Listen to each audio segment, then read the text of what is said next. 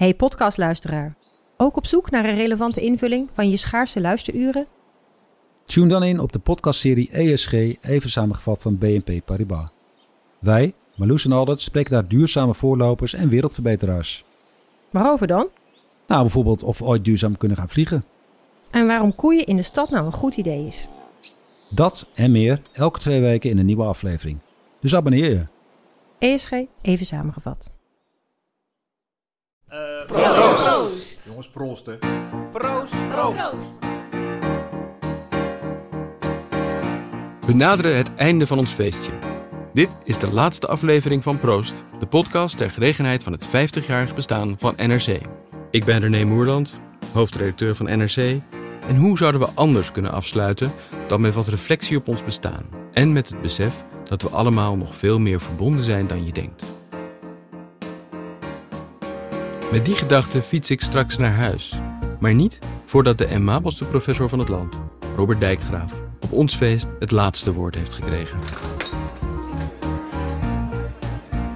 Om maar met de deur in huis te vallen, ik ben niet de prettigste gast op een feestje. Het is onvermijdelijk. Vroeg of laat wordt me een vraag gesteld over het heelal of over de oerknal. Vaak met een ondertoon van wat heb je eraan of waar is dan goed voor?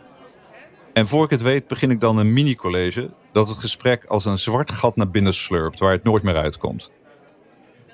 Zo vroeg onlangs een econoom, zowaar een Nobelprijswinnaar, mij op de man af. Is het niet zonde van al dat geld om zo'n deeltjesversneller te bouwen? Terwijl er zoveel ellende in de wereld is. En zo ging hij door dat al die materie tijdens de oerknal uit het niets is ontstaan. Dat is toch volstrekte onzin. Hoe kan het heelal zich dat economisch gezien veroorloven? Dat moet toch energie kosten? Gelukkig kon ik hem geruststellen dat de oerknal budgetneutraal is. In de zwaartekracht zit namelijk negatieve energie en die compenseert precies alle positieve energie die nodig is om de materie te maken. De boekhouders kunnen dus tevreden zijn. De kosten van de schepping zijn precies 0,0.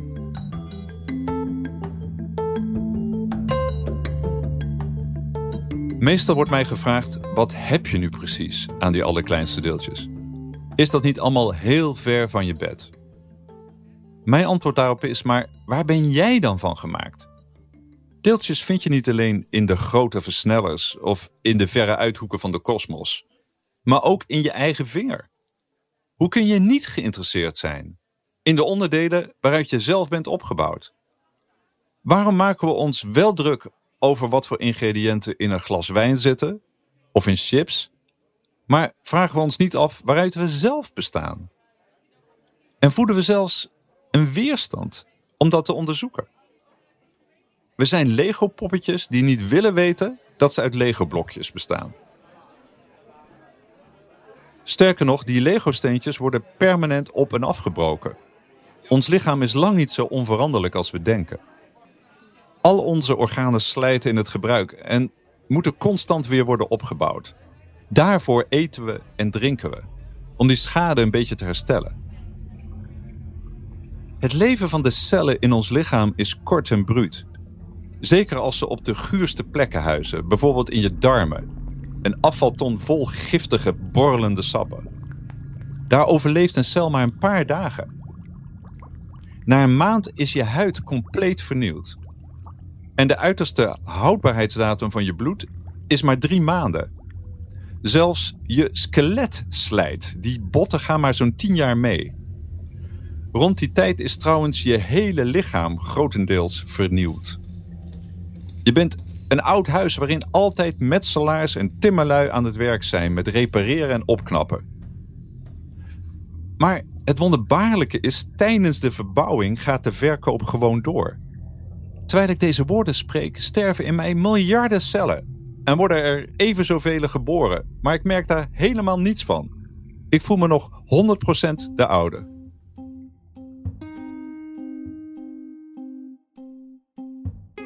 Als wij de deeltjes begrijpen waaruit we bestaan, begrijpen we misschien ook beter hoe onze levens met elkaar verstrengeld zijn. In een tijd waarin een gevaarlijk coronavirus rondwaart, kunnen we niet gezellig bij elkaar staan, omdat we bang zijn dat het virus ons ziek maakt. Zo'n virus is onzichtbaar klein. En het is een eng idee dat een mogelijk besmet persoon op een feestje virusdeeltjes kan uitademen en dat anderen die dan weer inademen. Maar je staat er niet bij stil dat je permanent tweedehands lucht inademt. Met iedere ademtocht komen een onvoorstelbaar groot aantal moleculen je longen binnen. En als je die lucht uitblaast, verspreiden die zich weer door de atmosfeer. Als ik op een feestje proost zeg en even wacht, dan zijn die moleculen uit mijn adem door de lucht in de zaal gemengd.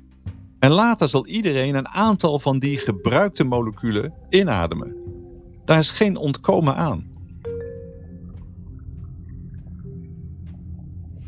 Sterker nog, als je maar lang genoeg wacht, en niet eens zo lang, zeg maar een paar maanden, dan zijn die moleculen door de hele aardatmosfeer gemengd. Van de polen tot de tropen. Je zou denken dat is zo'n enorme homeopathische verdunning, dat je die moleculen, waarmee ik proost zei, nooit meer zult tegenkomen. Maar niets is minder waar. Iedere ademtocht, die wie dan ook op de aarde inademt, zegt iedereen die nu naar mij luistert, zal gemiddeld één molecuul bevatten van de adem waarmee ik een tijdje geleden proost zei. En dit geldt weer voor elke hap lucht die ooit door een mens in de geschiedenis is in- en uitgeademd. En dus ook voor iedere uitspraak die ooit is gedaan. Sta daarbij eens stil. De lucht die nu in jouw longen zit, bevat moleculen die gebruikt zijn in iedere zin die ieder mens ooit heeft uitgesproken. Vanaf de vroegste dagen van de geschiedenis. Graag gebruikt men dan Caesars et tu brute als voorbeeld, hoewel er geen bewijs is dat hij dat ooit heeft gezegd. Maar het geldt voor iedere historische uitspraak. Kennedy, die zei, ik ben ein Berliner. Of Trump, die zei, make America great again. Een van hun moleculen zit nu in jouw longen. Ik hoop dat je daar niet een vieze smaak van in de mond krijgt. Maar waarom niet dichter bij huis? Bijvoorbeeld de eerste keer dat jij zelf lang geleden mama zei. Of ik hou van je tegen een geliefde. Er is maar één uitzondering. Het geldt niet voor Neil Armstrong toen hij op de maan One small step for man zei. Die moleculen zien we nooit meer terug.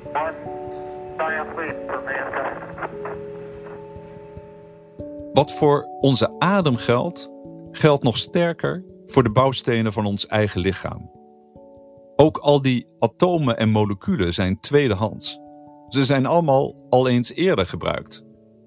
Van ieder atoom zou je in principe een individuele geschiedenis kunnen schrijven. Neem een atoom in de top van je linkerwijsvinger. Misschien is deze afkomstig uit een slaablaadje dat je vorige maand hebt gegeten. Die kop sla heeft het atoom weer uit de grond gehaald. En daar kan het miljoenen jaren hebben vastgezeten. Maar het atoom zal zeker eerder onderdeel zijn geweest van een ander levend wezen. Meerdere keren waarschijnlijk in de geschiedenis van de aarde. Misschien zat het ooit in de vleugel van een vlinder die rondfladderde in het regenwoud. Of in de tentakel van een kwal diep in de oceaan. Of wie weet in een dinosaurus. Of een torenhoge boom of meer waarschijnlijk in een eenvoudige bacterie. En zo verbindt de geschiedenis van dat enkele atoom allerlei levens, als kralen in een ketting. En dit geldt voor alle atomen in ons lichaam. Ongeveer een miljard keer miljard keer miljard. Meer dan het aantal zandkorreltjes op aarde. Of alle sterren in het zichtbare heelal. De levenslijnen van al die atomen weven een tapijt dat letterlijk iedereen aan elkaar knoopt. Sommige van de atomen in jouw lichaam zijn afkomstig van Julius Caesar. Andere van Napoleon. Of van ieder ander favoriet historisch figuur. Het is echt waar. Er zitten duizenden atomen in jouw lichaam. Afkomstig van iedere persoon en ieder ander organisme dat ooit op aarde heeft geleefd. De gebruikelijke ideeën over reïncarnatie zijn dus veel te bescheiden. Wij zijn letterlijk de reïncarnaties van iedereen uit de wereldgeschiedenis. We zijn een wandelend geschiedenisboek.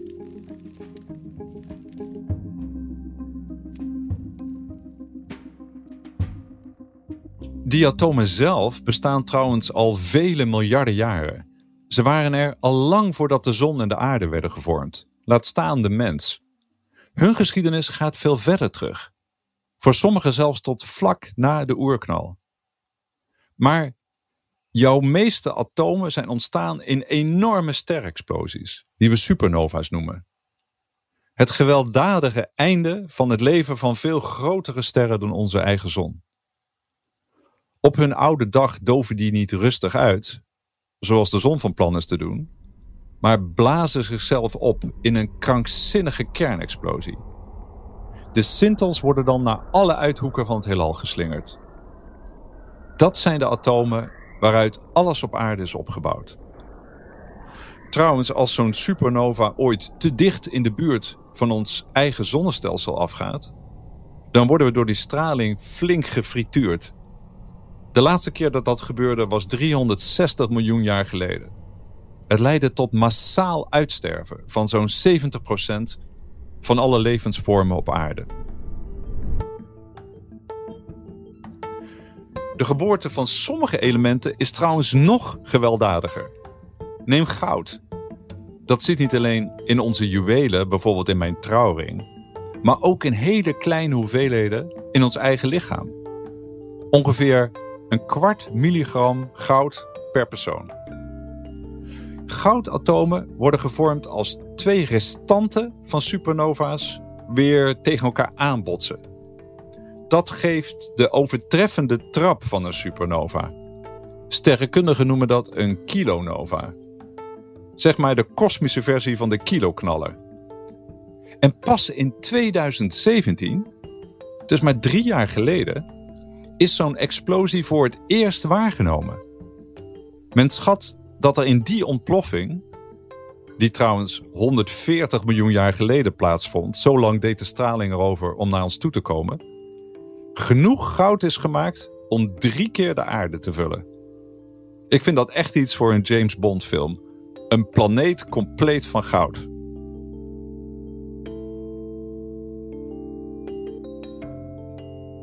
Wat ik maar wil zeggen, is dat al die atomen in ons lichaam hun eigen verhaal te vertellen hebben. Zij verdienen ook het woord. Ze komen van heel ver en hebben er een lang leven op zitten. En ze gaan ook nog heel veel meemaken, want wat die toekomst ook zal brengen, aan geavanceerde technologie of nieuwe levensvormen, het zal weer gemaakt worden uit diezelfde atomen, diezelfde Lego-blokjes. Zelfs als over miljarden jaren de zon is opgebrand en de aarde en de planeten zijn verpulverd, dan blijven die atomen bestaan, op zoek naar een nieuw avontuur. Met een knipoog naar het Bijbelboek Genesis en de bekende woorden van de wetenschapspopularisator Carl Sagan zou je kunnen zeggen: We zijn gemaakt van sterrenstof en tot sterrenstof zullen we wederkeren.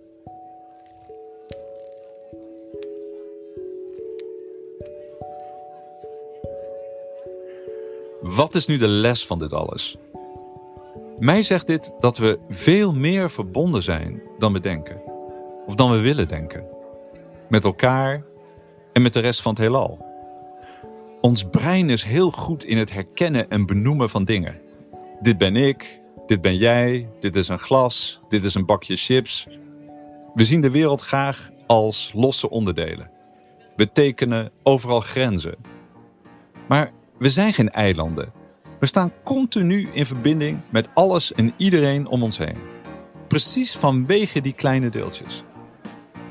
Die deeltjes weven een web van ragfijne draadjes dat alles aan elkaar knoopt. Ook het verleden en de toekomst. Met die gedachte zeg ik proost en neem ik eindelijk een hapje van mijn chips. En jij mag weer uitademen.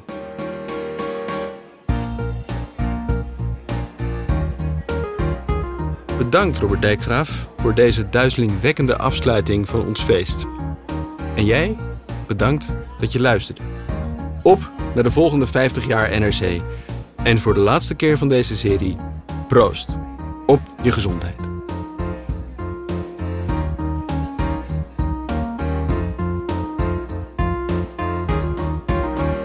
Aan deze laatste aflevering van NRC Proost werkte mee tekst Robert Dijkgraaf, presentatie René Moorland, concept en productie van Marion Op de Woord, regie en montage door Eliane Meijer en eindmix Arno Peters.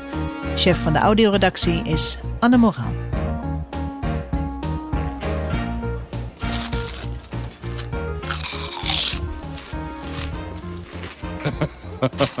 Nu? Ja. Proost. Uh, proost. Lux et Libertas. Was dat hem? Prr, nee. Proost. Nu? Ik kan moeilijk proosten op terrorisme in de krant, hè? Oké. Okay. Uh, Oké. Okay. Santé. Proost. Bottoms up. Wat een feest. Goh, wie zie ik daar lopen met een dienblad vol bier.